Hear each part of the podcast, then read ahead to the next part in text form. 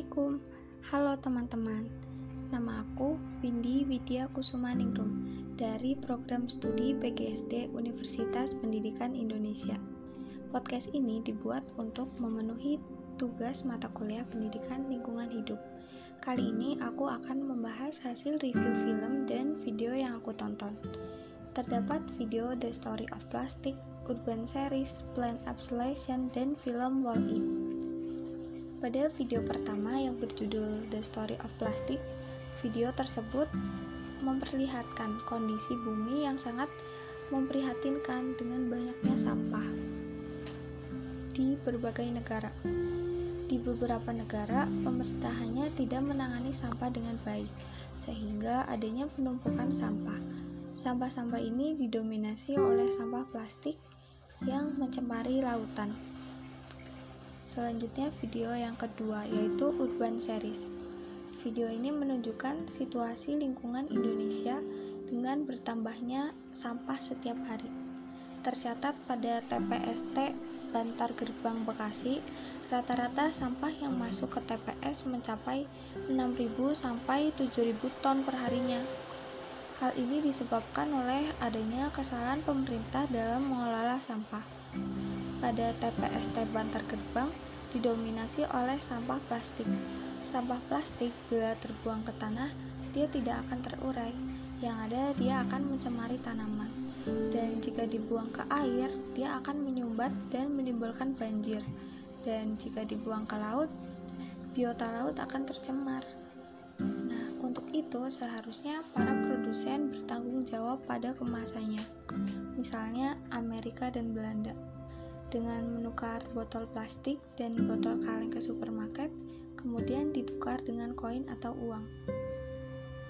Uh, terdapat istilah baru yang aku dapat dari video ini yaitu FMCG (Fast Moving Customer Good). Artinya, produk-produk yang memiliki perputaran produksi yang cepat, seperti produk makanan, minuman, alat mandi, dan lain-lain istilah lain seperti fast fashion dan sustainable. Selanjutnya video yang ketiga berjudul Plan Absolation. Diperlihatkan dengan pengelolaan barang-barang elektronik yang sudah menjadi yang rusak menjadi berfungsi kembali. Pemerintah mendirikan perusahaan untuk memperbaiki barang-barang elektronik seperti smartphone, setrika, mesin cuci, dan barang elektronik lain. Terdapat istilah baru dari video ini yaitu lifestyle. Lifestyle di sini artinya gaya hidup yang serba elektronik. Selanjutnya film Wall-E merupakan sebuah film animasi yang disutradari oleh Andrew Stanton dirilis pada tanggal 20 Juni 2008. Film ini menceritakan tentang e, masa depan di masa manusia telah meninggalkan bumi karena telah ditutupi oleh sampah. Wall-E merupakan sebuah film yang bercerita mengenai sebuah robot yang diciptakan oleh para ilmuwan dan diberi nama Wall-E yang bertugas untuk mengepres sampah yang ada di bumi. Wall-E diciptakan karena kondisi bumi yang mengerikan akibat tumpukan sampah. Sementara itu, para ilmuwan juga mencari tempat tinggal sementara untuk para manusia, karena bumi sudah dianggap tidak layak untuk ditempati. Namun, para ilmuwan tidak dapat menemukan planet lain yang sama seperti bumi, dan akhirnya mereka menciptakan pesawat untuk tinggal sementara manusia.